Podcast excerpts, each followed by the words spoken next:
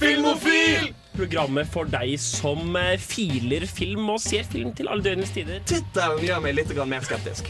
Vi bare gir det 40 år nå, så spiller de en Schindlers liste med lykkelig slutt. Så vi får se. Men da har vi en sammenligning mellom Ja, ja, og Tom Cruise. Bare hør altså, liksom, synopsiset, for dette er kanskje det mest Tim Burton jeg har hørt om Ok, på lenge. Du hører på Filmofil på Radio Revolt. Hasta la vista, baby. Hei og velkommen hit til Filmofil. Vi har en forrykende sending foran oss eh, i kveld. Vi skal nemlig snakke om Pixar. uh, mitt navn er Sunniva Langhoff, og med meg i studio har jeg på teknikk Henning. Uh, tidligere programleder, August. Dette er veldig skummelt. vår nye filmnerd Thomas. og vår gamle kjære Trine. Vi gleder oss til å ha den sendingen her sammen med dere, men først skal vi høre Rytmeklubben med No Apologies.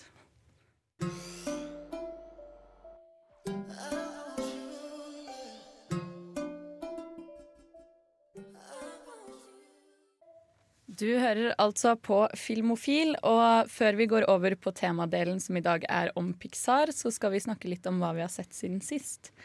Eh, og i tillegg til det så har vi jo med oss eh, en ny her i dag. Yo.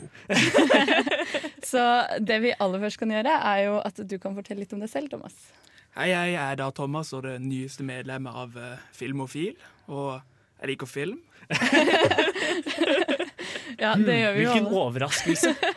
Jeg vet, jeg trodde om jeg skulle holde det hemmelig, eller om jeg bare skulle si det. Men jeg, jeg tar det ute på lufta med en gang. Det er ute der, jeg liker film. Du, du står fram som filmofil, rett og Ja, jeg gjør det. Oh. Fy faen. Shit. Og foreldrene dine sa Jeg arva det av min far, da, så det ligger i familien. Mm. Okay. Ja, okay. Ja. Uh, hva har du sett siden sist da, Thomas? Siden sist, eh, siden sist så har jeg vært på kino og sett Jumanji. Oi. Og eh, Netflix har jeg da binga Dirk Gently sesong to. Og så har jeg sett Cubo Kubo and the Two Strings. Det, det var litt av et utvalg. Jeg, jeg hang meg opp i den første, Jumanji. Ja, jeg hvordan, hvordan var den? For jeg, jeg har en forkjærlighet for The Rock. Eh, jeg syns han har en tendens til å gjøre hver eneste film han er med i, sebar, på et vis. Eh, så jeg, jeg lurer på liksom, hvordan, hvordan klarer han seg der? Altså, The Rock har vel fått seal of approval? Og jeg var veldig imot den. Altså. Jeg skal jo ærlig innrømme at jeg gikk inn i denne filmen og trodde at denne skulle være dårlig. Jeg ble med de jeg bor med, for det var litt sånn, vil du være med? Jeg sa OK. Så sykt morsom. Jack Black sin beste rolle. Han spiller da denne tenåringsjenta. Og han gjør det så fantastisk, for du ser bare at han har bare kost seg i denne rollen. Og er denne skikkelig feminine, kraftige mannen. Det er bare fantastisk å se på. Ja, jeg måtte selv se traileren to ganger, fordi jeg lurte på det. Er Jack Black eh, hun blonde babyen der? Ja, han er det, og han gjør det fantastisk. Så Jack Black er egentlig bare en 14 år gammel jente. Ja. Som da blir forelska, og det er fantastisk å se på. Okay. Oi. Kort spørsmål. Jeg så traileren, og den spesialeffekten her så veldig veldig, veldig rar ut. At han hoppa ned fra himmelen og sånn landa på bakken, men det så, det så rett og slett dårlig ut. Tingen er jo det at det er jo basert på liksom, Jumanji er å ta det litt langt. Det er basert på samme konsept. Så Å, ja. det som er at de er inne i et spill. De er inne i, de er i TV-spill. Okay. Så det som skjer, det, det kan du finne ut av, men det er en spesialeffekt som på en måte er et sånn hint til gammeldags TV eller TV-spill, som type Crash Bandicut. I akkurat den delen okay. der. Det kan jeg jo sette pris på. Ja, for jeg også skjønte ikke det med en gang jeg begynte på traileren, men med en gang jeg skjønte at liksom, å ja, ok, det er et spill, så digget jeg egentlig at de spesialeffektene var som de var. Ja, okay. Sånn alle, egentlig. Som ble vist i traileren, i hvert fall. For jeg var litt sånn derre Ja, det fungerer jo jævlig bra. At de liksom bare hiver en fyr inn i en fjellvegg, og så går de sånn slow-mo, eller altså Ja. Ja, for det er liksom Det er litt sånn æraen av PlayStation 1 og PlayStation 2-effekter, liksom. Som når du ser bare traileren uten å vite. Det er litt sånn Hadde de et dårlig budsjett eller noe? Ja, Men når du ser det, så er det sånn Å, dette er barndom, dette er koselig. Ja, ok. For det er jo, men det er jo ikke alltid det funker. Altså, man må ha en god del sjarm. Altså, jeg, jeg så jo nylig Tron Legacy, for eksempel. Nei, ikke Tron Legacy, Tron. Den originale Tron.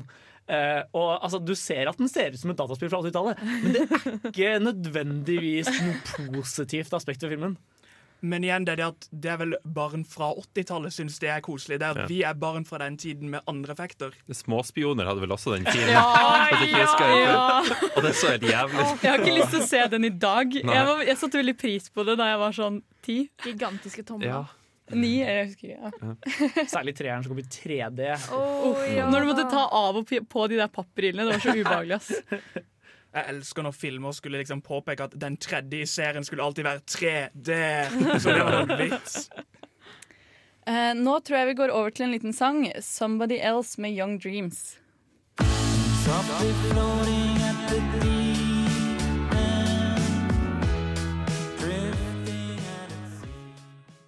Her på Filmofil snakker vi fortsatt om ting vi har sett siden sist. Og Henning, hva har du sett siden sist?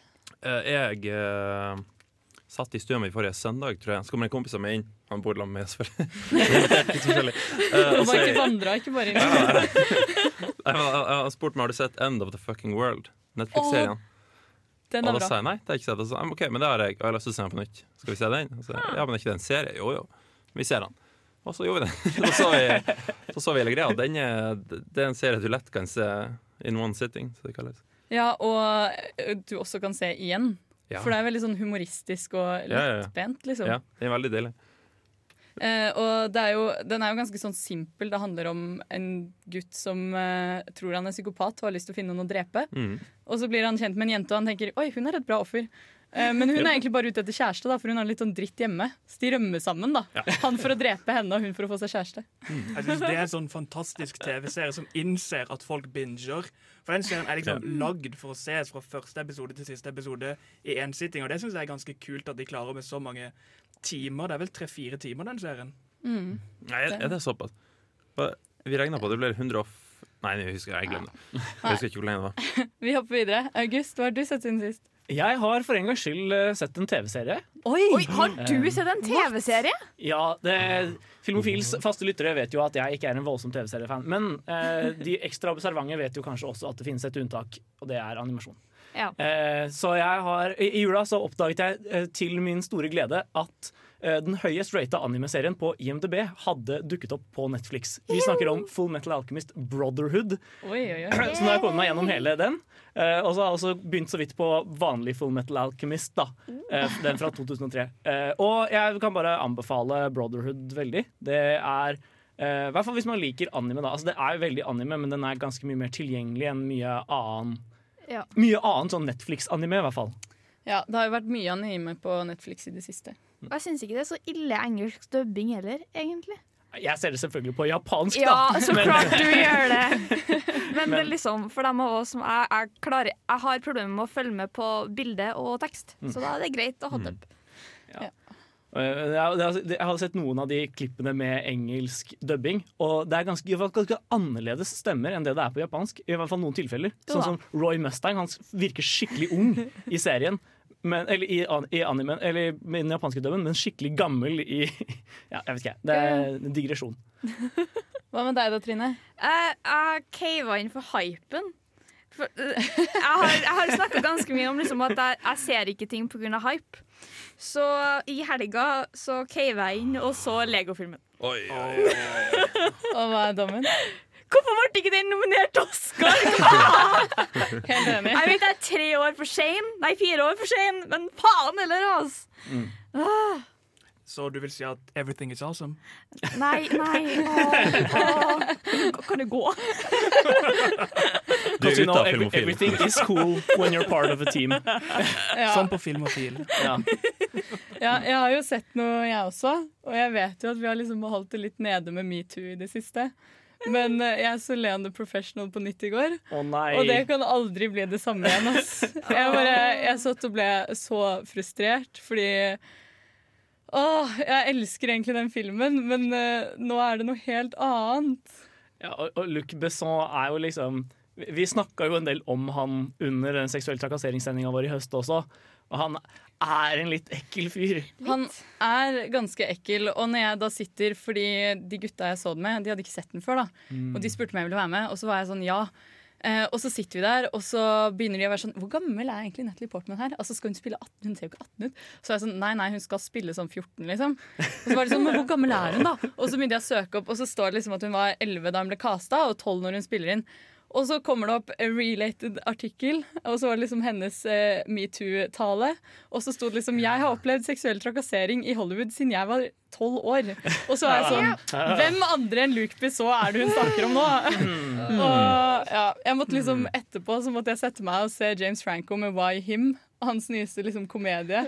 Romantiske komedie. Bare for å liksom uh, shake it off. Liksom midt i perioden hvor han data og en også. Ja, og hun er jo med, hun også. og Jeg bare, nei. ja, ja, nei, jeg tror vi hopper videre. Ja, jeg tror det er greit. Eh, Her kommer Emir med 'Faller'.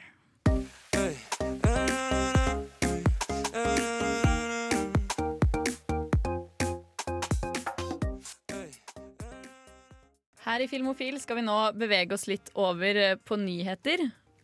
Og da kan jo du få eh, æren, Henning. Tusen takk. tusen takk Vi for det første å fokusere på Oscar. eh, Så får justere mikken. Eh, Det er jo ikke noe galt i det, da. Det er jo kanskje det viktigste som har skjedd i filmverden siden sist vi snakket om Det dette. er det. Ja, det Ja. er det er det. Og det er en del snakk om. For det første, ingen Oscar uten Meryl Streep. Det er hun, Eh, ja. hun er nå nominert til sin 21. Oscar. 21. hvor hun har vunnet tre av dem.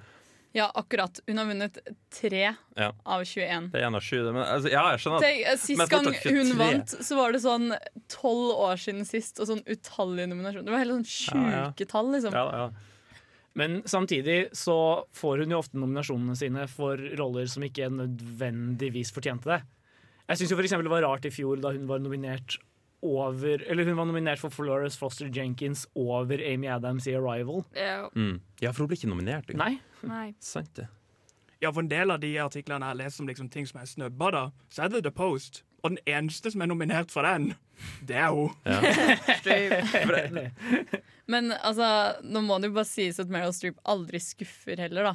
Sånn, Jeg har aldri sett en film og tenkt sånn Å, faen at Meryl Streep hadde den rollen. liksom Du blir jo alltid lykkelig for at hun hadde den rollen. Jeg føler litt sånn Leonardo DiCaprio, liksom. Det er bare han er der, så bare Å, Leonardo. Yay! Jeg syns faktisk ikke hun gjorde en så fantastisk god jobb i Into the Woods. Helt ærlig. Nei, ok, jeg kan være litt enig i den. Men eh, sånn eh, Altså, hvis eh, Mamma Mia 2-traileren ikke hadde hatt med Meryl Streep, så hadde ikke jeg gått og sett den på kino. da Ja, men den har jo ikke med Meryl Streep! Nei, Jo, den nye har det. Nei. Men eh, DiCaprio ble nevnt her.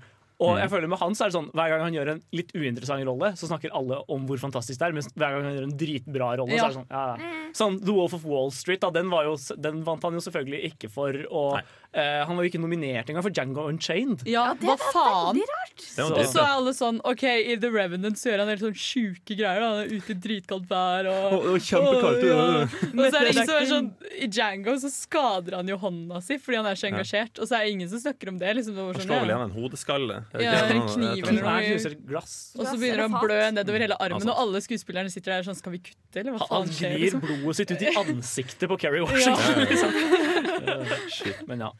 Nei, apropos mange Oscar-nominasjoner. 'Shape of Water'. Yay. 13. Ja. 13 Oscar-nominasjoner. Og også flest av alle filmer. Ja, ja, absolutt. Uh, en, en ting. Han som spiller eh, Han som spiller uh, ho, han, han som bor i lag med hovedskuespilleren, jeg husker ikke navnet hans. Uh, Nei. sj. Ah, ah, Mener du eh, hovedmannen eller dama? hovedmannen. Det er Richard eh, Jenkins. Richard Jenkins, ja. Ja. Fortjente han virkelig Jo. Oscar for beste mannlige eh, Birolle? birolle? Syns dere det? Jeg Jeg syns ikke det. altså Men jeg, men jeg syns liksom det gjelder generelt hele Shape of Water og alle nominasjonene. At det er noen hvor jeg helt klart synes den burde vinne. Og så er det veldig mange hvor jeg er litt sånn Nei. Ja. Jeg er litt sånn uh, Jeg kunne gjerne tenkt meg Guillermo vinne uh, beste regissør. Fordi han fortjener det for den der. Og jeg har så jævlig lyst til at Sally Hawkins skal vinne. Ja, jeg er Fordi, helt enig. Fy faen, det hun får til uten å snakke gjennom hele filmen, Mm. er fantastisk. Ja, Men er det han som er inni liksom monsteret? Nei, Nei. nei, nei, nei, nei, unnskyld, det er han som bor i sammen med altså, okay, han, han gamlingen. gamlingen. Han homofile maleren. Um, nå glemte jeg helt hva jeg skulle si. Uh, beklager den. Jeg kan si, jeg, jeg synes at uh, selvfølgelig Best uh, Actress. Den fortjener hun. I hvert fall Ja. å nominert til. Absolutt. Nå kom jeg på hva jeg skulle si! Jo, eh, mitt poeng var vel mer sånn Har vi ikke, har vi ikke litt sånn been there, done that med stum hovedrolle? Eh, er det, hvordan er den i forhold til piano? Uh, jeg har ikke sett piano, men jeg syns jo absolutt at hun virkelig gjør en utrolig god jobb, da. For, for Er hun virkelig bedre enn Frances McDormand i uh, Three Billboards Outside Ebbing, Missouri? Oh, Mm. Det er Nei, vanskelig. det tror jeg ikke egentlig jeg syns. Men nå er piano ganske lenge siden òg, da. Ja. Mm. Og jeg, jeg mener i hvert fall at uh, Octavia Spencer fortjener for beste kvinnelige birolle. Oh. Fordi at uh, hun klarer noe jeg blir skikkelig imponert over, og det er å være sassy sånn black woman uten at det blir sånn Stereotypisk. ja, og Ja, og irriterende. Og irriterende. Ja. Ja. Det- det Hun nailer det hver Ja, ja. gang, liksom. Ja, ja. Oh, jeg Det var for en gangs skyld tenkte jeg så ble jeg ikke forbanna av en sånn rolle. For de er alltid så, in your face hele tida. Liksom. Det er Ja. stygt. Og hun er så fin som talsperson for hun stumme også, Ja.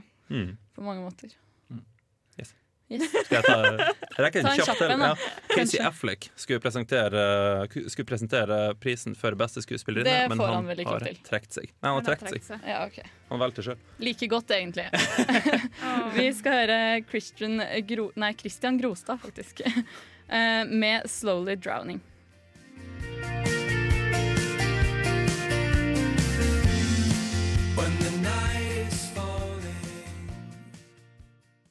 For et program i burra med både klasse og stil. Du hører på Filmofil. Du hører på Filmofil der, altså, og vi er fortsatt i nyhetenes verden.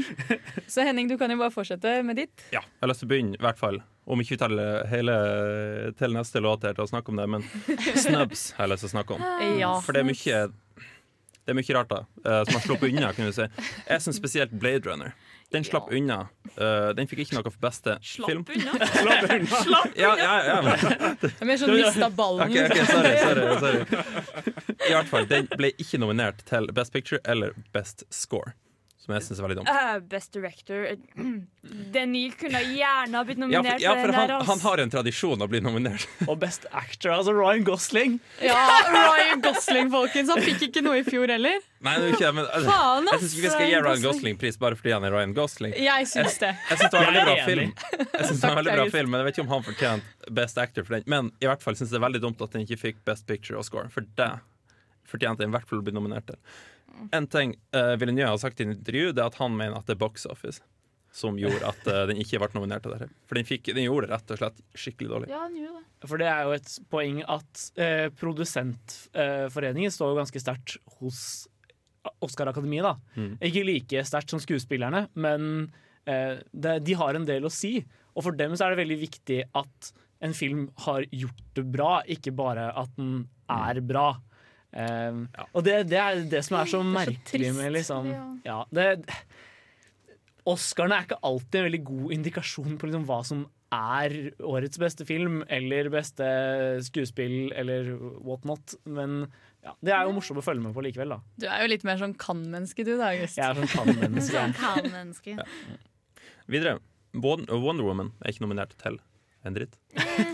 Null, niks. Så jeg, ja, du kan gjerne Jeg, jeg syns det er litt rart, for at det, var, det er jo en superheltfilm er en sjanger som er den største i vår tid. liksom. Det er jo The Age of the Superhero.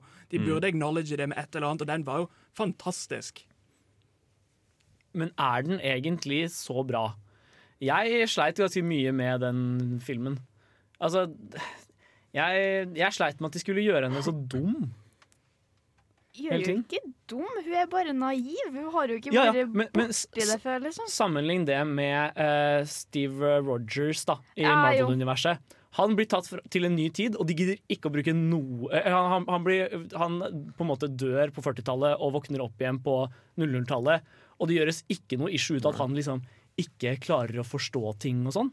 Hele hans sine filmer handler om at han ikke skjønner hvor, hvilken tid han er i. Hele Civil War, hele Captain America Winter Soldier handler om jo om at han lever i en tid han ikke skjønner. Ja, men De gjør aldri et nummer ut av den Fish Out of Water-delen av det. Men liksom tilbake til det samme superheltfilmer. De har fått en nod da med Logan har fått, eh, er nominert til Best Adapted Screenplay. Så de har fått en nod, men eh, jeg tror den bedre filmen fikk en nominasjon, for å si det sånn. Unnskyld. Jeg snur meg bort ett sekund. Ja, du må da alltid være på henne! Ja, unnskyld. James Franco ble ikke nominert. Uh, ble ikke nominert til uh, Unnskyld, beste skuespiller. Uh, altså, jeg vet ikke med skuespiller. Uh, jeg syns den har fått for få nominasjoner. Det syns jeg helt Ja. klart. Den er kun nominert til uh, Best Adapted Screenplay. Ja, og That's det it.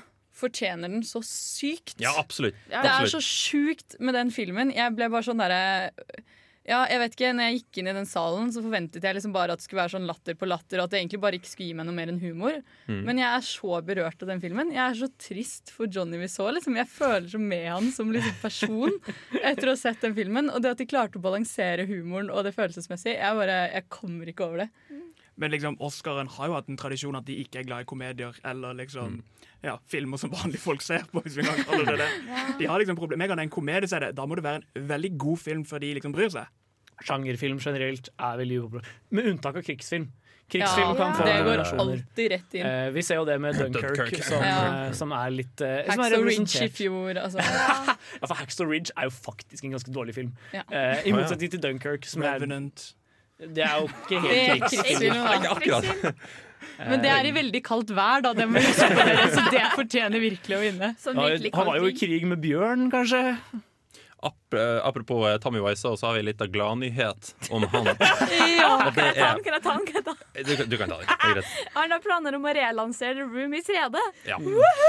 Jeg, jeg har lest litt rundt om det nå, og han, det, var, det var en fan av han da. Fan av Tommy Wiseau som, som tvitra han og spurte skal den få en 4K-release. Ja. Og han svarer det skal bli en 5.1-release, 4K-release og en 3D-release. Altså, Han liker å gjøre ting dobbelt. ja, men- jeg skjønner ikke hvorfor han nevner 5.1. Altså, det er lyd for de som ikke vet alt. Det skal være en bass og fire høyttalere. liksom. Nå må man, nå må man ha sånn, solgt mye ekstra ulovlig undertøy, tror jeg. Ja, Men eh, det, det kommer jo til, altså, de sexscenene kommer jo til å bli som Love eller la det i den duren. Sånn lange 3D-sexscener. Ja, det, blir, det blir veldig rart.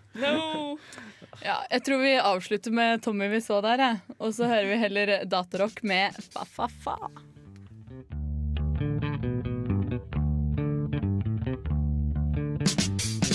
Vi skal bevege oss litt eh, videre i programmet. Og Henning, du har jo vært og anmeldt eh, en film. Det har jeg. Det er Pixar-sending i dag, som sagt, og jeg har anmeldt Coco som er den nyeste Pixar-filmen. Jeg kan si så mye som at jeg er ikke noen kjempe-Pixar-fan, men uh, den her likte jeg veldig godt. Er du ikke Pixar-fan? OK, ok, ok, unnskyld. Det Banning i kirka! Jeg tar det tilbake. Jeg tar det Jeg tar over teknikken. jeg. Jeg, vokste opp med Disney. Og jeg diskuterte litt med Thomas tidligere at kanskje det er av at Disney skled litt ut når jeg liksom begynte på ungdomsskolen. Sånn, at jeg liksom datt av, animasjonsvogna. på en måte Ja. Og at jeg derfor ikke gadd å prøve meg på Pixar. Animasjonsvogna. Men den her var bra.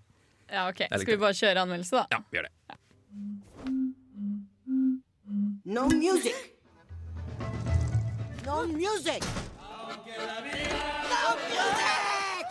I think we're the only family in Mexico who hates music. And my family's fine with that.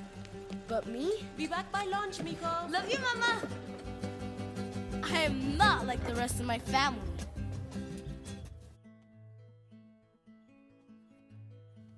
Coco er den nyeste filmen fra Pixar som handler om åtte år gamle Miguel som ønsker å bli en berømt gitarspiller, som hans idol Ernesto de la Cruz.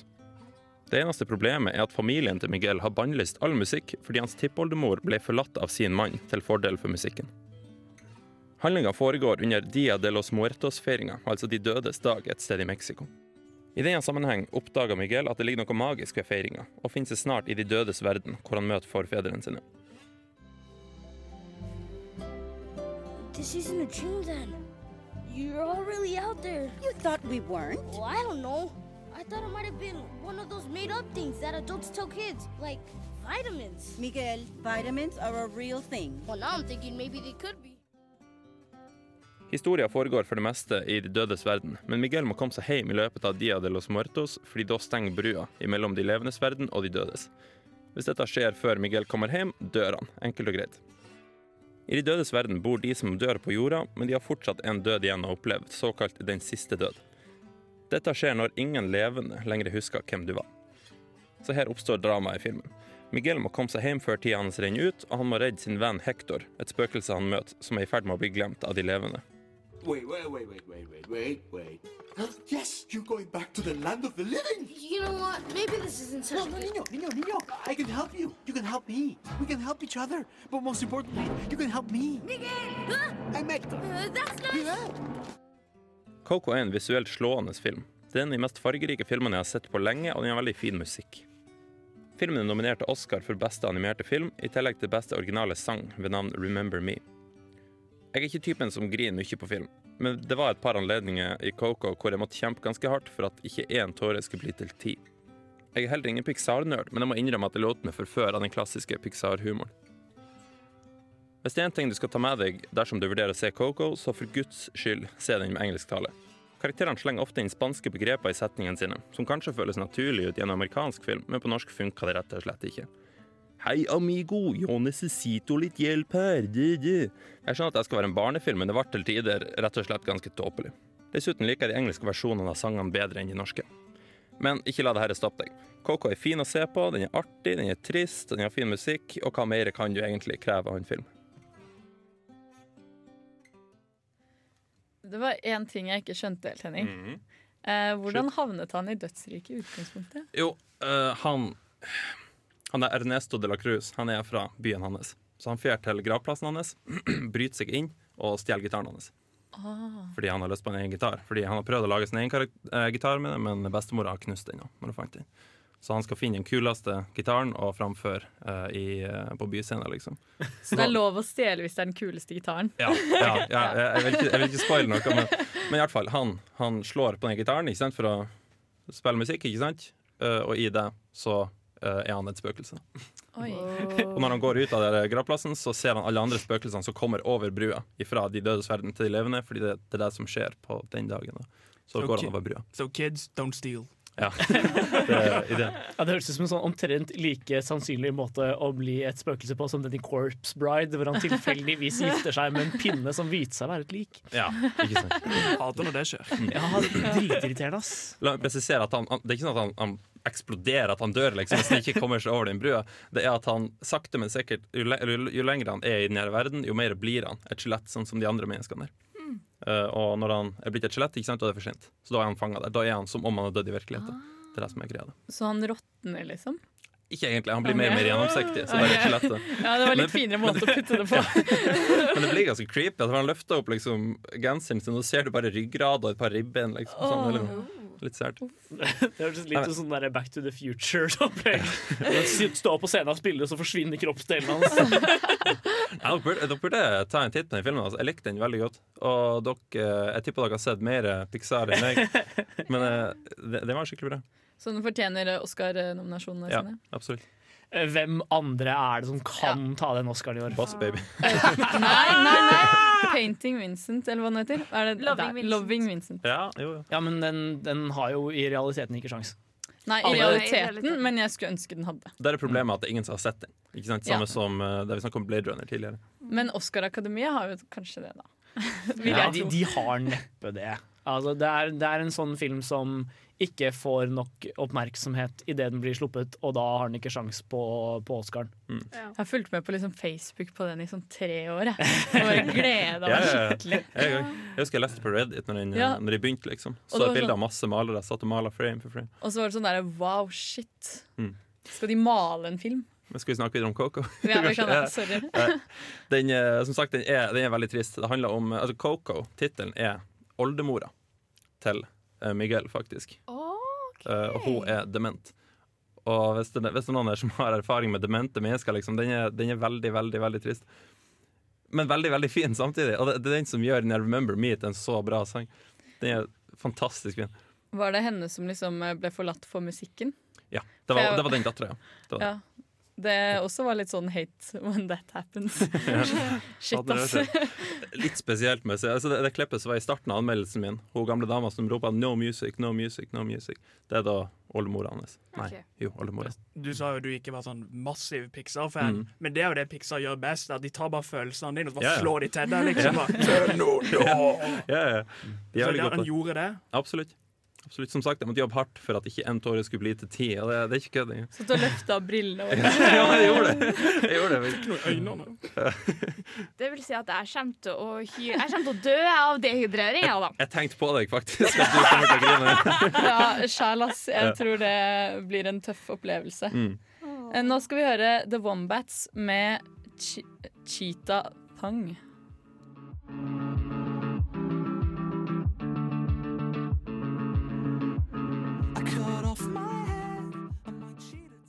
Nå skal vi her i Filmofil bevege oss litt mer inn på temadelen, som i dag er Pixar. Eh, og Pixar er jo et av de største animasjonsselskapene i verden. Mhm. Og også det som startet med 3D-animasjon. Så det er jo veldig mye interessant å si om det. Ja, for ikke å snakke om så er det kanskje det mest dominerende animasjonsstudio fra vår barndom. Ja, det også. For sånn som i dag så har det jo kommet opp en god del andre aktører som på en måte, om en ikke kan konkurrere i, på innhold med Pixar sitt beste, så i hvert fall er på samme niv jevne nivå. da. Ja. Altså Disney sin 3D-animasjonsfilmer. Eh, Dreamworks har fulgt dem hele veien. De har kanskje li blitt litt mer borte, men det har poppet opp nye ting som liksom Laika, sånn som vi er fan av. da. Eh, men da vi vokste opp, så var det liksom Pixar sine filmer som var i en liga for seg selv. Ja, og det som også gjorde det så sykt bra, var at du ble aldri skuffa. De kom liksom bare med slager på slager på slager. Liksom. Mm. Så du kunne alltid gå og se en Pixar-film og være sånn Du visste at det var bra, da. Og det som var så spesielt med Pixar, var jo det faktum av at det var filmer du gikk og så. Og det var ikke bare sånn barnefilmer du gikk med foreldrene dine. Det var gode, det var gode filmer for både foreldre og barn, så du kunne gå fire ganger med dem ungen, liksom. Jeg husker da jeg, var, da jeg gikk i åttende klasse og Wally kom ut, så var det sånn Er jeg egentlig blitt for stor til å se Wally nå? Og så dro jeg på den på kino, og så Selv da hadde jeg liksom turte jeg å si til meg selv liksom Vet du hva? Nei, jeg, er ikke for, jeg er ikke for stor for dette. Ikke for liten? Det var det min far sa når jeg ble sånn 20. Var at, ja, men Hvem skal jeg gå på Pixar-filmer med nå? Eh, For da det er rart for meg som en 40-åring å gå og sitte der, liksom. Så du må være med meg.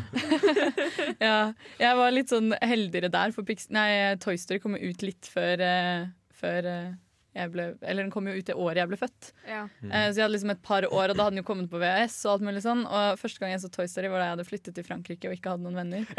Eh, og det var liksom favoritt-VHS-en min, og Woody var min beste venn.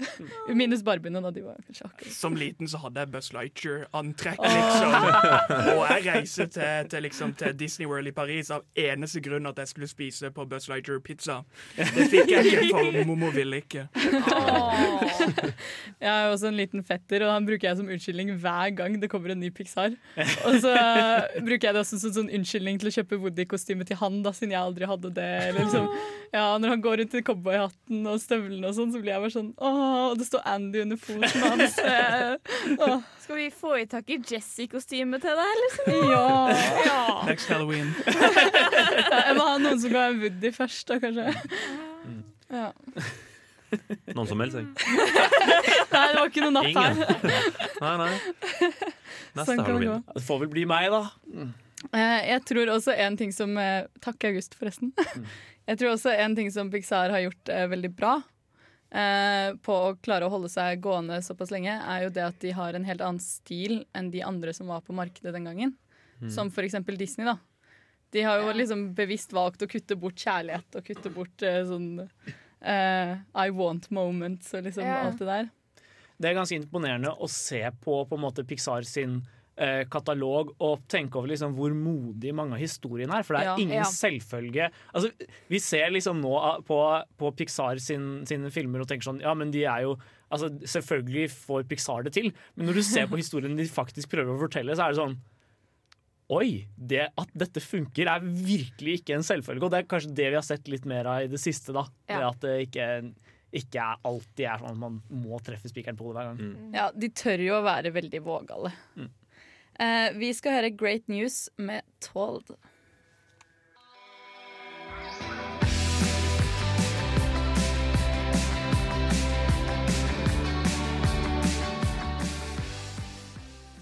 Vi skal fortsette å snakke om eh, Pixar her på Filmofil. Og eh, vi kan jo gå litt lenger tilbake i tid, for de fleste vet jo at Pixar ga ut Toy Story, og det var begynnelsen på en era. Eh, En æra, som det heter på norsk. ja. Hvis vi skal fornorske Ja, det. ja, eh, vi bruker en del engelske uttrykk her. Ja, greit. Uh, og Thomas, du kan jo fortelle oss litt mer om det, kanskje. Ja, jeg tenker jeg skal hoppe ganske langt tilbake, og det er liksom snakk om 60-tallet. Og det er, det er lenge siden, det. Ja, det er i hvert fall tre ganger siden jeg levde. Eh, Det er da John Lasseter, som kanskje folk husker som regissøren bak Toy Story, Cars, Toy Story 2 og Et Bugs Life. For han som liten satt som det ganske mange av oss gjorde, og så på cartoons. Det var det han gjorde. Han sa at han var litt sånn lonely kid som bare satt inne og så på. Og så når han gikk på videregående, så fant han denne da boka, som var liksom The Animation of Disney, og fant ut liksom, når han var på videregående du kan jobbe med å animere, du kan jobbe med cartoons! og, og siden da så var det liksom Dette er min drøm. Så han søkte da på CalArts, som er Walt Disney sin egenskapte skole. På det første linja som noen gang jobba med animasjon. Og i den klassen så gikk det ikke bare én ganske kjent person. Tim Burton gikk også i klasse med han. Ja, Det ble jeg overrasket over. Og eh, folk som for eksempel John Musker, som har skrevet Hercules, Aladdin, Moana eh, og flere av de skikkelig klassiske Disney-filmene. Sammen med Brad Bird, som har for eksempel skrevet De utrolige, Ratatouille, Gutten og jernkjempen, for eksempel. Så ganske sånn ordentlig stor stab som jobber der. De som, ja, de som var lærere der, er kalt The Ancient Eight. Og dette var de liksom Det hørtes gammelt ut. Dette var liksom de personene som animerte liksom Snøhvit. De ble tatt ut av retirement for å lære den nye generasjonen om denne nye animasjonen. da og der liksom, Han sa han bodde på skolen. Han sov under pulten sin. Og der animerte han sin aller første film. Uh, den heter da The Lady and the Lamp. Så for folk som vet hva som er maskotten til, til Pixar, så er det jo ganske tydelig at uh, han har en viss ting for lamper. Ja, det er litt sånn Er det en fetisj? ja. Lampefetisj. Det, er- det er et spesielt konsept. Jeg kan min del om lamper. Gjerne møtt han, liksom. Den andre filmen han lagde, er en film som heter Nightmare. Og det som var spesielt med disse to filmene, er at han vant begge back-to-back student Oscars. Og det har aldri skjedd før. Han vant begge to på rad. Så med en gang han gikk ut av den skolen, så fikk han jobb på Disney. Som var drømmen hans som liten. Og han var med og jobba på liksom kjente Disney-klassikere. Men han hadde jo en- denne drømmen om å lage en PC-animert film. Altså det som kommer til å være. Og han fikk lov å jobbe med dette. Han fikk eh, en bok som heter The Brave Little Toaster. Som skulle bli den aller første animerte filmen på PC. da. Eh, og da han hadde den pitchen, så sa han som var direktør på Disney Hvor mye vil dette koste? Og da sa han «Eh, det vil koste like mye som en vanlig film. Hvor lang tid vil det ta? Like lang tid.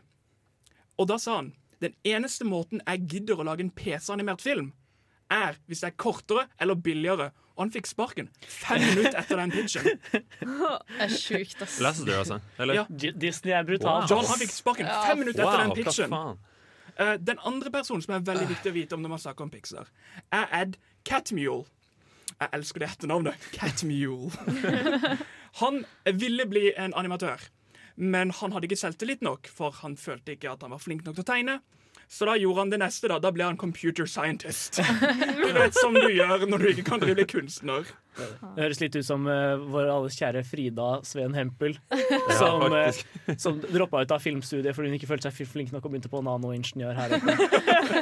Og der begynte han på den aller første linja på University of Utah, som jobba med liksom computer animation. Han var med å utvikle masse av disse programmene, og han fikk seg en jobb i New York, der han ganske raskt ble headhunta av ingen ringere enn George Lucas av Star Wars fame, der han for eh, George Lucas lagde editing base, lydbase og special effects. Og der lagde de en PC som de fleste kanskje vet om. The Pixar Computer. Det er der navnet kommer fra. Det er faktisk en PC de animerte på. Problemet var at George Lucas han ville egentlig ikke lage animerte filmer. Han ville tjene penger på dette. her. Så han hadde liksom ikke noen mulighet. Så han, sammen med John, de ble gode venner, for han venta på når dette skulle bli animert. Så det som skjedde var at de møttes, hadde en dialog, og så fant de ut at dette må vi gjøre, vi må fortsette. Og det som endte opp med å skje, var at de ble da solgt ut. Uh, og ingen ringere enn den personen som kom inn, var den eneste som kom inn, var faktisk Steve Jobs. Han kom inn og sponsa med over ti millioner. Og der er da fødselen av Pixar sin begynnelse. Ja, jeg har hørt at uh, Steve Jobs uh, tapte i Jeg skal ikke banne. Veldig mye penger. Jævlig mye penger. ja, takk, Trine. ja, så der har vi altså Pixars opprinnelse. Vi skal fortsette å snakke om Pixar etter eh, Broen med Pride.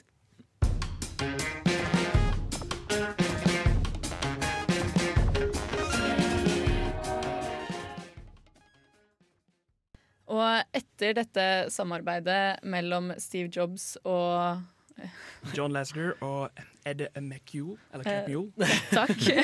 Eh, så var jo det eneste Pixar egentlig manglet eh, penger, og det førte jo til eh, at Disney ble involvert igjen, da. Eh, Som igjen har ført til eh, veldig mange bra filmer, egentlig. Sånn, eh, på tross av hva de tenker om det, så tenker nå jeg at det har vært OK, da. Når man får æres-Oscar for sin første helaftens kinofilm, så har man jo fått til et eller annet, tenker jeg. Ja, Og når det i tillegg er den første 3D-animerte filmen Det var derfor de fikk æres-Oscaren. Ja, kanskje. Ja. Men uh, vi kan jo hoppe litt videre til ukas hjemmelekse, da. Mm. Uh, som jo er en annen litt sånn barndomsfavoritt. Nemlig Monsters Inc. Hey. Jeg har et eh, En barndomsfavoritt var det virkelig ikke for min del. ass. For jeg, jeg, jeg dro og så den på kino med pappa, og jeg synes den var så skummel. jeg synes ikke stemningen der var noe koselig. De holdt på å kvele hverandre og sånn. Det var ikke greit. Jeg, jeg vet ikke, jeg, jeg var ganske redd som barn. Hun snegledama er jo helt uh, sykt creepy. Hvordan kveler man han der? Nå husker jeg ikke navnene, men den grønne duden. Hvor er halsen hans? Liksom? Han dukker nå opp ball. under flettsken. Ja, det var Sully som ble kvalt, mens eh, Mike kommer der. Skjønner det det? ingenting. Ah, ja, okay. Fordi han er ja. Sånn var det, ja. Stemmer. Jeg så den med farmor. Jeg husker jeg ble dritsur fordi hun sovna. Og jeg satt der sånn med farmor, dette er så spennende! Men vi kan jo kanskje fortelle litt om hva filmen handler om også. Ja, vi kan jo ja. egentlig det. For uh, den, den, tar, eh, den finner sted i et sånn alternativt monsterunivers. Hvor monstre lever på energien fra barneskrik. Så uh, hovedpersonene våre, Mike og Sully, de jobber på en sånn skrikfabrikk. Uh, eller The Monsters Inc. Um, og der går man gjennom dører og ender opp på barns soveværelser. Og monstrenes oppgave, da, eller de som jobber på denne fabrikken sin oppgave, er å skremme barna. Det de derimot får vite, er at barn er kjempegiftige. Så hvis de får med seg noe barnslig tilbake til monsterverdenen, så er det krise. Da kommer det sånn gule menn i sånn der, litt sånn der uh, Breaking Bad-film. Liksom, eh, du blir barbert og dusja i sånn anti... Antimenneskedusj. Ja. Ikke lyspulver, men menneskepulver. Liksom. Men i hvert fall, plutselig en dag så er det ei lita jente som følger etter Sully gjennom døra. Og ja, det blir jo, det blir jo krise, da. Det blir ganske krise. uh, og ja, det, det er jo mye krise inni der. Det er både kjærlighetsdrama, vennskapsdrama, skumle barn. Men vi finner jo ut i løpet av filmen at barn ikke er så giftige. Hvorfor er det egentlig at de ender opp med å Spoiler, spoiler. Men du har sett den inne nå! Så. Men hva er det som gjør at de faktisk bestemmer seg for ikke liksom, ha kontakt med menneskene? Det kan ikke jeg huske. Jeg tror det bare er sånn, de, sånn det alltid har vært, og derfor skal det alltid være sånn. Det er, Byråkratiet. og det, og det, er jo, det er jo det filmen handler om. Den handler jo om fremmedfrykt, og hvordan det kan uh, få oss til å uh, gjøre ganske irrasjonelle ting, veldig ofte. Har Pixar dypere meninger? Å, fy faen. Men det er jo også viktig å få frem det at de, altså, de har funnet en kilde for energi, som jo er skrik. Og hvis folk tror at ja, barn er søte og snille, så får de jo ikke noe energi. Det er liksom sånn, Ja. De er jo oljemoguler, egentlig. Liksom, de bare henter inn uh, skrik på skrik. Og da må de jo eh, servere den løgnen til samfunnet de lever i, da. For å få den energien de vil. Anti, Antimenneskemonstrene er litt som sånn oljeselskap som Ja. uh, jobber mot global Eller uh, jobb, jobber sånn, sånn klimafornektere. Ja. Hun sneglebossen og sånn. Du ser jo for deg henne på sånn oljeplattform. Lett. Men ja, summa summarum er, blir det veldig sånn skjønt, skjønt portrett av noen som finner, finner hverandre Eller ja, finner vennskap da, på tross av veldig veldig forskjellig utseende. Jo det er så søtt. Mike Vasali! Det stemmen. Mike Wasaski! Ja, det er det. Og når hun går i det monsterkostymen monsterkostymet og sånn, nei, åh. Skikkelig hjerte. Jeg tror vi hopper videre og hører eh, MJ Cole med 'Pictures In My Head'. It's not exactly what I like. Calling home so Der hørte vi Chromeo med 'Juice'. Nå skal vi Filmofil bevege oss videre til ukas filmlåt, og i den anledning filmen 'Biler'. For Mhm. hvilken annen Pixar-film altså, Vi kunne tatt You've Got a Friend in Me, men den har vi hatt uh, flere ganger som ukas filmlåt. den er så koselig. Men bortsett fra det så er det jo liksom biler som har det mest kjente soundtracket. Ja. eh, Med ganske god margin i grunn. Ja, det er jo det. Og altså Hvem husker ikke scenen hvor liksom Sally Det er Sally. Mm. Ja. Og Lynne McQueen, for å ta den på norsk, da, Henning. Jaha. Eh, kjører bortover veien til uh, Life is a Highway. Nei, nei, Life is a Highway, det er når han er inni, Ja. inni Er det det? eh, lastebilen. Å ja, jeg tenkte at det var der ute. Med liksom utsikten, og hun kjører i det der vannet. Og Nei, da er det mer liksom sånn vanlig filmmusikk. og-. Ja. Jeg tror de har kopiert den der eh, Fast Furious-scenen. I Fast Furious 6. Hvor de kjøper seg hverandre. I'll always remember you, brother. Og så slutter de. Det er er sjueren, da. Er det ikke omvendt at de har kopiert fra biler? Nei, nei, nei. Det tror jeg Tror ikke. biler Altså. kom først. Det tror jeg ikke. Hvem har den mest ikoniske sangen? Mm. Det er sånn den tredje mest sette For videoen på meg er det biler, Ja, faktisk. ja, ja. Ja, ja. Da er vi enige. Nei, jeg kødder. Kan jeg bare si, jeg syns det er rart at dere kaller det biler, for jeg så de alltid på engelsk. Så det er Cars for meg. Du ser, vel, du ser vel de fleste filmer på engelsk, gjør du ikke? Ja. Uh, min, uh, jeg er jo halvt skotsk, så jeg liker å se de på engelsk. Og noe av det rareste er voice actinga på engelsk. For der er det Owen Wilson som er stemmen til oh, er ja. McQueen, Og det er så Shit. rart. Wow. Ja, men du slipper å se nesa, da, i hvert fall. Nei, jeg, jeg husker det, vi Jeg så biler på engelsk ganske tidlig. Fordi eh, engelsklæreren min på, i 7. klasse Han fant ut at det skulle vi ha en sånn greie vi skulle sitte og se på biler på engelsk med engelsk tekst. Og alle var sånn Nei! Shit, det går jo ikke! Da skjønner vi ingenting! Hvordan gikk det? Jeg hadde jo sett filmen før, da, så jeg, jeg visste jo mer eller mindre hva som skjedde. Vi hadde det samme med spansk, det var ikke like gøy. Eh, men som nevnt i stad, så er jeg jo en fetter som jeg driver og bruker som unnskyldning for alt det her. Og nedturen med det er jo at du må se det på norsk. Men igjen, oppturen er jo det at du alltid kan kjøpe lekene etterpå. Så jeg har jo liksom sittet, jeg har sittet med de Cars-bilbanene liksom, Ah. som barnevakt, og det er så gøy. Det er så mye Ah, sånn nerdy ting, liksom. Så du kjøpte faktisk til han? Ja, ja. Jeg, ga, jeg kjøpte jo ikke selv, nei. Nei, men Han var sånn tre Ah. år, og så sitter han og kan koden på iPaden. Og det han gjør, det er ikke å liksom spille eller noe. Han går inn der, og så går han inn på YouTube, og så finner han sånn sjeldne leker han ønsker seg. På sånne voksne menn som sitter og pakker opp. Liksom. Ja, så han var alltid hadde den ønskelista, og vi hadde så mye gøy med Cars-lekene. da Men skal vi si litt om hva filmen handler om også? Ja, vi kan gjøre det denne Før er gangen. for seint! For en gangs skyld. Det handler jo om eh, Line McQueen, som er en eh, racerbil i eh, toppklassen.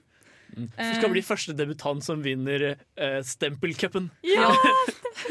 Stempelcup. Cup. ja.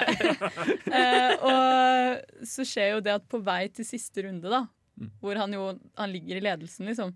Så på vei til siste runde av cupen, så åpner eh, rommet bakdelen på lastebilen han eh, kjører i seg, og han fyker ut på et jorde og våkner opp uh, ingensteds langs Route 66.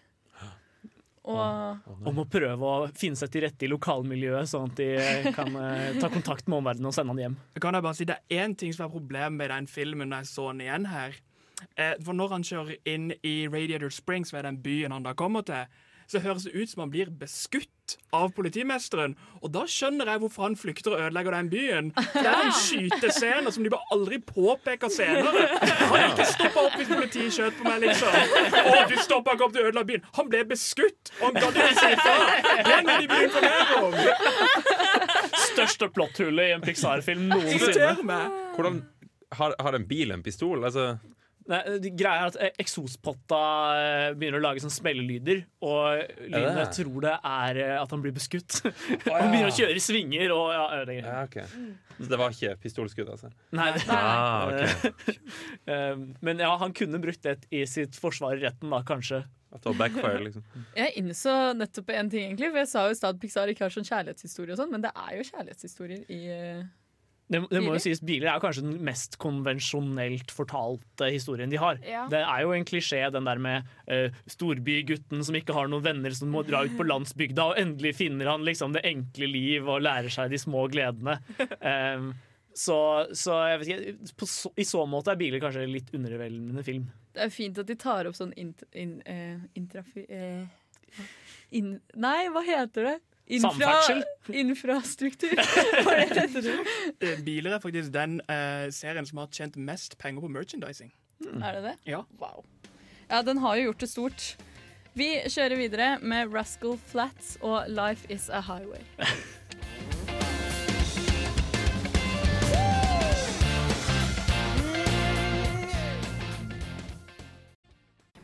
Hei, jeg er eh, Agnes Kittelsen, Og jeg er Aksel Henning. Og det er viktig at uh, dere hører på Filmofil. Filmofil. Det er viktig at dere hører på Filmofil. Å, vi må det det. få noen nye ting her, altså. Fy faen.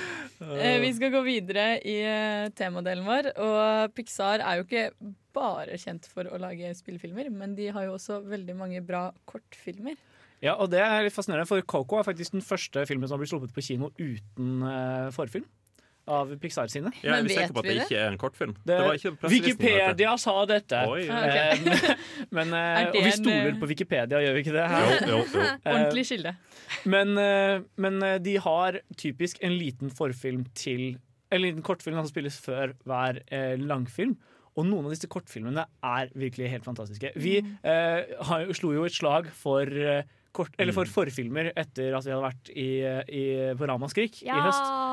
Eh, og Pixar er jo et, en av de få som fortsatt liksom har det som etablert tradisjon. da Jeg syns det er så sinnssykt greit at de gjør det. Jeg, blir, jeg setter skikkelig pris på de forfilmene. For meg så er det sånn, Jeg gleder meg skikkelig mye til de kommer. Og når de kommer, så går jeg inn på YouTube eller eh, sånne type ting og sjekker de ut. og... Ja, Hver eneste Pixar-film er jo vist sammen med en liten kortfilm, og det er jo da Lux Junior som er maskotten de sin. Den lille lampa, det er en kortfilm i seg selv. Det var jo en av de første Mm. de lagde Mm. som selskap også. Jeg mest tenker at uh, Coco hadde en slags kortfilm, men at de ikke gjorde det til en formfilm.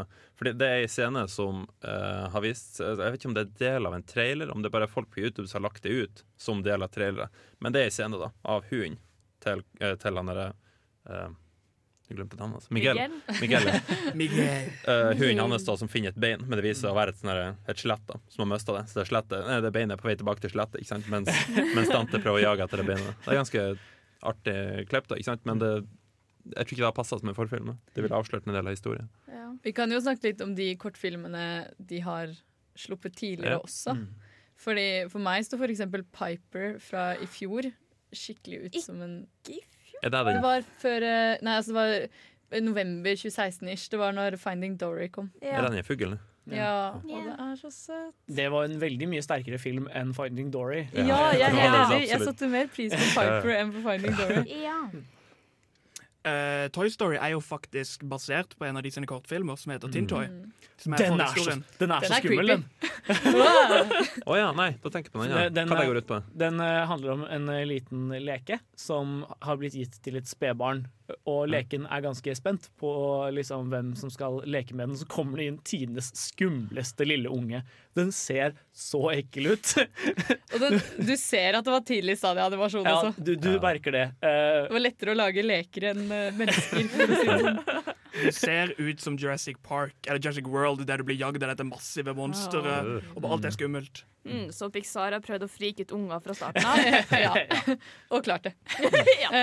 Det er jo også Jeg tror det er Monsters Inc., for de begynner med å skremme det, og så innser de latter virker bedre. Ja, Og de bare, mest «Åh, selvfølgelig. Hvorfor skjønte vi ikke det før? Conspiracy. Det er også veldig imponerende hvordan de liksom klarer å ha kortfilmer som bare Du får lyst til å grine i løpet av liksom fem minutter. Sånn, Å, ja. For eksempel, jeg så en i stad som het Gary's Game, tror jeg. Ja. Hvor det er en gammel mann som sitter og spiller sjakk mot seg selv. Og det er bare så sinnssykt rørende. For det er sånn du, du tenker liksom bare at ja, kona er død, alle vennene hans er døde, han har ingen igjen å spille sjakk mot, så han gjør det mot seg selv. Og han lager liksom to karakterer av seg selv da, som spiller mot hverandre, og det er utrolig fint. Du har jo også den, en som kom veldig nylig, den lava. Om en ensom, ensom vulkan som bare har lyst til å få seg kjæreste. Ja, sånn, Det er ikke akkurat en kortfilm, litt sånn som på den der reklamen, men begynnelsen på Up er jo en liten film i seg selv, Ja, ja, ja. som er emosjonell som F. Den burde jo kanskje bare vært en kortfilm. Jeg tror det, det må si meg. Men det er jo ikke bare triste følelser de kjenner på. Ta for eksempel Presto, som Ja. jeg har sett på nytt og på nytt og på nytt de siste dagene. Som handler om en liten kanin som fucker med tryllekunstneren sin. Det er, det er så festlig å se på. Eller uh, Baby Jack fra The Incredibles. Den er også morsom. Ja, og jeg elsker Baby Jack. Det er dritgøy. Jeg gleder meg sånn til Incredibles 2. Eh, men nå skal vi høre Gorillas med Garage Palace. Oh, palace flows, rain falls from the heavens to my palace rooftop. When the light shines through it. Når vi først snakker om Pixar, så er det jo også viktig å nevne at det kanskje ikke alltid går like bra som for de fleste andre også. Men eh, de har jo hatt et, en nedtur de siste årene. De har liksom, de har liksom vært skuddsikre en periode. Og så nå i det siste har de vel begynt å dale litt og gå litt opp. Og sånn. Det har vært litt turbulent nå. For Problemet er jo at det er, liksom, det, er- det er to spørsmål i dette. Fordi at en, ja, De har på en måte falt kreativt, men de tjener fortsatt veldig mye penger per film. Ja, ja. Det er klart. Ja, og, og, men det, er, det må jo sies at liksom, de hadde en unormalt god periode på 2000-tallet. Ja, de hadde jo det. De, de lagde jo liksom hvis vi, ser bort fra biler, da, som er litt sånn polariserende, så lagde de jo kun uh, Oscar-vinnermateriale i ti år. Og når de da kom med, med Brave, som var liksom starten på liksom nedturen for mange, så, så øh, var det liksom den, den ble hatet mye mer enn den fortjente fordi den bare Den, den var en litt under par Pixar-film. Man er jo vant til en viss standard når det kommer til Pixar. Det er liksom, hvis du Ja. ser på andre fra samme tida, som f.eks. Dreamworks, så går det liksom opp og ned, og veldig mye nedover. Eh, men Pixar, du har liksom en slags forventning når du går og ser en Pixar-film. Og du, da er det jo lett å bli skuffet hvis det ikke går helt den veien. Da. Og en ting man øh, er berettiget til å kritisere dem for, er jo at de har gått i den der oppfølgerfella. Ja. Eh, særlig etter at de ble merga med, med Disney, Mm. så har det blitt mer og mer sånn at de skal eh, melke konseptene sine for det det er verdt. Og i noen tilfeller som fungerer jo det. Toy Story-filmene er jo eksempel på noen av de bedre oppfølgerne som finnes eh, der ute, sånn overall. Men eh, ja, jeg så Finding Dory denne uka for første gang, og det var, det var skikkelig nedtur, ass. Monsters University og, Ja, eksempel, er dårlig. åh, skikkelig dritt. Du ser at det, det, de tjener fortsatt veldig mye penger, så det blir spørsmålet om de kommer til å gå tilbake til å lage dritbra filmer. For jeg tipper de kan fortsette å, å prøve å spare litt penger på å lage ganske dårlige filmer. Altså- og derfor tjene mer penger. på en måte Kjenner vi Disney rett, så blir det nok oppfølger i tillegg til ja, det, det, det, det, det. De kan dette i den fella. Ja, tingen er jo det at sånn Rent sånn objektivt så er det vel egentlig bare The Good Dinosaur som har gjort det ordentlig ordentlig dårlig sånn for Mm. de pengemessige. Ja. Så er på en måte problemet Har vi lov å si at de har De har én dårlig film, og så har resten vært OK oppover, liksom? Mm. Og Bill og 2, selvfølgelig. Den snakker vi ikke om. Og Biler 3. Ja, Men det er ikke Pixar, er det det? Biler Jo. to, eh, to og tre er Pixar. Ja. Eh, Ja, men fly Mm. Fly er ikke Pixar. Det- Til alle dere der ute som sier at Pixar har gått til helvete med fly, dere kan roe ned, for det er ikke Pixar sitt eh, verk. Og så kommer jo tross alt Toy Story 4 snart, dere! Nei, vet du hva. Faen Ja, men eh, Toy Story, Jeg personlig hater når det kommer oppfølger til sånne ting. Men Toy Story 2 og 3 gjorde en veldig god jobb. Men de etterlot det på en så god note at hvor skal de plukke det opp i Ja, helt enig. Ja, jeg tenker Det var en sånn naturlig avslutning etter Toy Story 3. Nå er Andy på college. liksom Han har sendt lekene sine videre til neste generasjon. Det, var så, det har vært så fint sted å, å stoppe. Så jeg, er litt, jeg ble mer oppgitt enn glad over at den fireren kommer. Jeg gleder meg litt til Woody på sånn college party. Sånn. Det minner meg litt om som anime. Det er liksom sånn at Alt skal bli verre. Dere har just bekjempet han som kunne ødelegge verden. Og vent, han har den enda ondere Ja. storebror! Det er liksom den følelsen jeg får. Den onde keiser Zorg senior, liksom. Som du bare ikke vet om fordi han bare chiller. Ja, det, det er litt det som er der, de, der mange andre studier driter seg ut på å lage sequels. Ikke sant? Det er at de har ingen sted å gå videre med historien. Og allikevel tenkte de men vi tjente så mye, ikke sant? så da går vi bare videre. Og fuck it, liksom. Synd at de prøver, med dette. Vi får Ja, se. det er liksom, du har jo De utrolige to, da, som kommer ganske snart. Og jeg lurer på om det, de har latt det gått litt lang tid. At du så hvordan Ja det gikk med Finding Dory. Det, Men der, der har jeg et viktig poeng. Altså, eh, Finding Nemo var veldig situasjonsdrevet film. Ja. Ja. Det var liksom det at plutselig ble Nemo kidnappet, og da måtte Marlin reagere. Mm. Mens i De utrolige så er det mer karakterdrevet. Ja. Altså, Ja, ja. Konflikten oppstår fordi karakterene har problemer, og da er mye større tro på en oppfølger. Er Problemet med Finding Dory er jo det at de bare skal find, Finding Dory, liksom. Det, det er basically Ja, det. de skaper situasjonen, liksom. Ja. Som ikke er der. Nei, Og det funker ikke. Uh, on that note så hører vi Porsches med Find Me.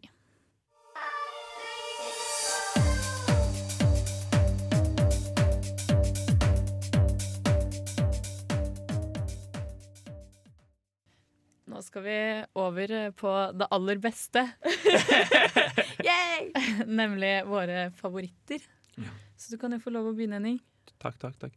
Bare hyggelig, så, så har jeg ikke sett veldig mye Pixar da jeg vokste opp. Jeg så litt sånn Ja, sånn som Monsterbedriften og sånn. Det, var, det, det likte jeg veldig godt da jeg var liten, men sånn med handa på hjertet, liksom, så må jeg si Coco. Fordi noe, noe, noe jeg faktisk kan huske, liksom. Godt. Jeg husker nesten ikke handlinga Jeg, Jeg husker bare at jeg likte den godt, og da føler jeg liksom ikke kan se at det var favoritt-Pixar-filmen. Men, men det, det er en veldig bra film. Fair enough. Mm. Vi kan jo hoppe videre til August. Nå får jeg, nå får jeg veldig høye forventninger, da, når du sier favoritt-Pixar-filmen. Hype. Ja. Eh, nei, min favoritt-Pixar-film er nok Wall-E. Eh, som sagt så jeg den da jeg gikk i åttende klasse, og det var den filmen som uh, lot eller som, som fikk meg til å innse at det er greit å like animasjonsfilm selv om man hadde blitt litt større. Åh. Gikk på ungdomsskolen og kunne liksom fortsatt med hånda på hjertet si nei, vet du hva, Wall-E det er en god film. Og som vanlig så tar de opp sånne viktige temaer som miljø. Og... Ja. Eh, det berørte meg ganske mye. Og så har jeg alltid vært svak for science fiction. Og så finner han vel i Super Smash, gjør han ikke det? Jeg tror. Nei. Det er lenge. Ja, det Nei, Rob. Rob. Rob var det, sorry. Men det er ikke. Nei, det det, men det er den beste ideen noensinne. Kan jeg bare si at det er den beste spin-off Eller shortfilmen som er Bernie. Som faktisk er, det, er en, det er en film som heter Bernie, som er en ja. shortfilm til det. Og Ja. det, det er ikke Bernie Sanders. Da er det da min, eh, og min har du faktisk nevnt tidligere, og jeg er litt, litt irritert, og det er da Brave. Det er min favoritt. Oh, fløt, fløt, fløt. For det at du snakker om at det er en kjedelig film. Nei, det er en ny tolkning på en, tro på en trope som vi har sett så ofte. Denne prinsessehistorien. Fortalt på en ny måte. Jeg sier ikke at Brave er en dårlig film. Den er, her, herregud, krøller. Jeg har aldri sett krøller så bra i animasjonsmedien noen gang. Men jeg syns kanskje at eh, historien var litt dårlig fortalt. Det er mest det de gikk på. Det er ikke det at det de snakker om er uinteressant. Det er det at måte, måten alt sang sammen på ble litt sånn Oi, nå er hun en bjørn, men så er hun ikke helt bjørnete. Eh, Jeg vet ikke. Jeg, jeg, jeg, har, jeg har sett den kommentaren veldig ofte. At, å, ja, det kommer litt sånn snikende opp på det. Men hele filmen har et bear team. Det er Bjørnekongen. Det er dama som kutter bjørn. Det er bjørn, bjørn, bjørn. Liksom. Det er lina opp ganske bra. Og det er til dato den peneste Jeg har ikke fått sett Coco, men det er den peneste eh, Pixar-filmen by a mile. KK er veldig pen, det er sant det. Men du glemmer at den er skotsk, August. Det er skotsk historie. Og de er rødhåra alle sammen i filmen, er de ikke? Eh, ja, og sammen med det det som er det gøye er at De bruker Bill O'Connolly, som jeg synes er en fantastisk kul komiker. Og det er så ekstremt gøy hvordan de snakker. De går virkelig dypt inn i skotsken. Og det er visse karakterer du ikke skjønner hva sier engang. Og det synes jeg er gøy at de faktisk tør. Det er kult. Ja, det er skikkelig artig. Vi hopper videre til Trine. Hey, um, OK. Min favoritt er ratatouille. Og det er veldig rart, fordi jeg, lik, jeg spiser nesten ingenting. Jeg er verdens mest kresne menneske. Men maten i den filmen, jeg tror det er det som får meg til å gå helt Jeg syns personlig det er en av de svakeste Pixar-filmene. Fight, fight, fight, fight. du sa liksom at Brave var litt sånn basic, litt sånn dårlig gjennomført. Jeg syns Ratatouille var det motsatte. Det var by the book. Det var altfor liksom Vi skal dette, vi skal dette. Det var liksom en Pixar-formel. For bra gjort. Det var liksom det virka som det var en sjekkliste de bare gikk igjennom. Og det skjedde meg litt. Det var ikke noe nytt, det var ikke noe spennende. Men har de ikke en sjekkliste? Jeg skulle til å si det. Det er det som er Pixar. Det, det er jo, det er jo checklist, på en måte. F- Føler jeg, da. Så. Ja, en sjekkliste som er Ja. det motsatte av Disney. Ja, men, men ja, det var kanskje litt for tydelig gjort. Det det jeg mener. Ja, og det er det på en måte Vi har jo snakka om at Pixar var det company som gjorde noe nytt. De prøvde noe nytt, de tok en annen Ja, vri ok, på det. Og da er det litt kjedelig at de på en måte kommer med en film som er for lik seg selv, liksom. og så får de kjeft når de prøver noe nytt. Når det er liksom Pixar ble hylla for å faktisk gjøre noe nytt, liksom. Mm. Det er det de er kjent for. Vi kan jo hoppe videre til min favoritt, eh, og håpe at de gjør noe nytt med oppfølgeren. Min favoritt er eh, ja, Jeg har ikke klart å velge, da, men det er Toy Story 1, 2, 3. 1, 2, 3. Surprise! For øvrig kåret av Filmofil til uh, tidenes beste animasjonsfilm. Har de fått seal of approval? Jeg vet ikke. Jeg vet ikke. De Nei. burde hatt det, i hvert fall. liksom Det eneste negative med de filmene er at det kommer en firer, liksom. Ja. Det er det eneste negative jeg kan tenke på det. Ja, jeg er litt enig, men uh, samtidig så klarer jeg ikke å gi helt slipp på det. Det er en av de hvor jeg har sittet i voksen alder og bare elsket det. Og jeg så til og med det med, med liksom engelsk tale og så teksting på dansk. Spørsmålet er kommer Toy Story 4 til å bli liksom the prequels av Pixar. Åh. Nei, ikke si det. Det er jeg frykter, er liksom. ikke lov å si. Ja, Det er da altså våre favoritter, eh, for de som lurte. Sjekk ut alle sammen. Nå, nå skal vi høre Moodoid med, med Reptile.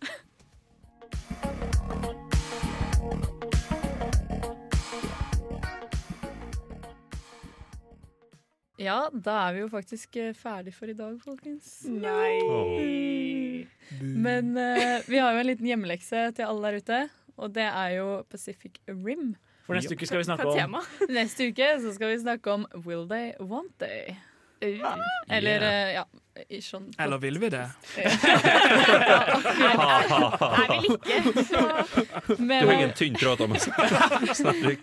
Med meg i studio i dag så har jeg hatt på teknikk Henning. eh, vår tidligere programleder. August. Vår nye faste filmnerd. Thomas. Og vår gode gamle Mitt navn er Sunniva Langhoff, og på vei ut her skal vi høre Gueno med Tear Hamor. Shit, vi har fortsatt ti sekunder igjen å fylle. Vi har fortsatt ti. Skal vi synge en sang? Jeg har fortsatt ti. Skal vi synge en sang? Thomas. det var veldig kult å ha deg i programmet. Ja, det var det. Og vi ser fram til å ha deg der videre. Takk, Henning.